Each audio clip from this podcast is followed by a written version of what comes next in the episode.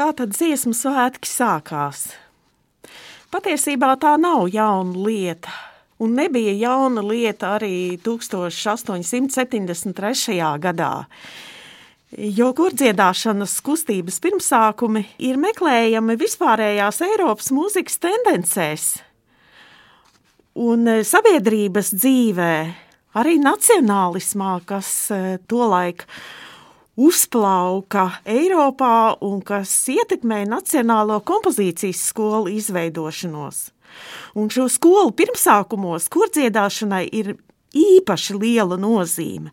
Akapella dziedāšanas tradīcijas aizmetņi meklējam dziedāšanas biedrību un dziedāšanas akadēmiju darbībā, kas līdzās sakrālajai mūzikai un baznīcas ciesmu izpildījumu praksē jau 18. gadsimta beigās kļuva par daudzvalstīgās kordziedāšanas šūpuli arī laicīgajā sfērā.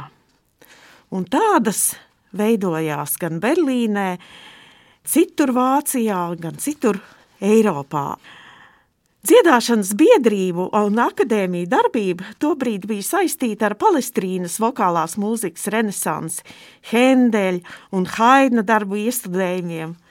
Johans Gotfrīds Herders 1803. gadā rakstīja: Mūzikas pamatu pamats ir koris, Tas saskanēja arī ar dzimstošā nacionālismu ideoloģiju, kas stimulēja biedrošanos koros un jauna repertuāra rašanos nacionālajās valodās. Un tā 1809. gadā tiek nodibināts Berlīnes dziedāšanas līdertāfel koris, un 1817. gadā Elberfeldā, Vācijā, notiek pirmie mūzikas svētki ar kuru piedalīšanos.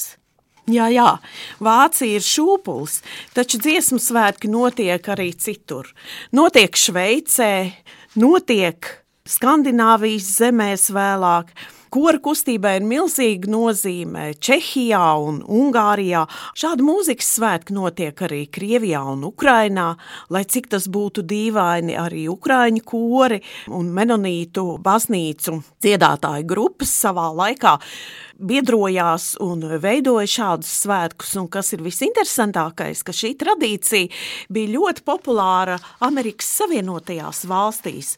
Protams, arī pateicoties vācu emigrantiem, bet uh, dziedāšanas svētki un kormūzikas svētki, pie tam masveidīgi svētki, notika no Filadelfijas līdz Teksasai, un šī tradīcija tur dzīvoja jau no 19. gadsimta sākuma. Nu, tādi ir šie dziesmu svētku tradīcijas sākumi, kurus pārtvēra arī Vācu baltieši. Pirmie komponisti un dziedāšanas biedrību vadītāji Vācijā bija trīs. Viens no tiem šveiciešu skolotājs Johans Henriks Pestalocī, kuru idejas iemiesojās un tika realizētas šajos dziedāšanas pasākumos un dziedāšanas biedrībās. Hans Georgs Nēgelī, Tajā laikā ļoti pazīstams komponists, mūzikas skolotājs un izdevējs, kurš 1819. gadā veica daudzus ceļojumus par Vāciju, lai veicinātu vīru dziedāšanas grupu veidošanos. Arī Študgarts, Līderkrans vai dziesmu kroņu dibināšanai. Šveiciešu komponists Friedrichs Zilhers Arī viņš ir veicis milzu darbu, un vesela virkne citu komponistu, kuru vārdus vēlāk atrodam arī latviešu koru dziesmu repertuārā, jo tā bija tā populārākā mūzika, kas skanēja visur pasaulē, sākot no Eiropas un beidzot ar Amerikas Savienotajām valstīm. Piezīmēšu to, ka tā bija tīra vīru koru kustība. Turklāt romantismu laikmetā svarīga ideja vispār bija saistāma ar meklējumiem pēc saknēm, proti tautas dziesmas plašajos laukos. Un šie meklējumi pēc senā saudās ar pilnīgi jaunām muzicēšanas formām, veidojot koru biedrības, apvienības un centrā izvirzot vienkārši četrbalsīgu dziesmu. Centrā bija nacionālās vienotības ideja, ko pastiprināja valsts apvienošanās centieni.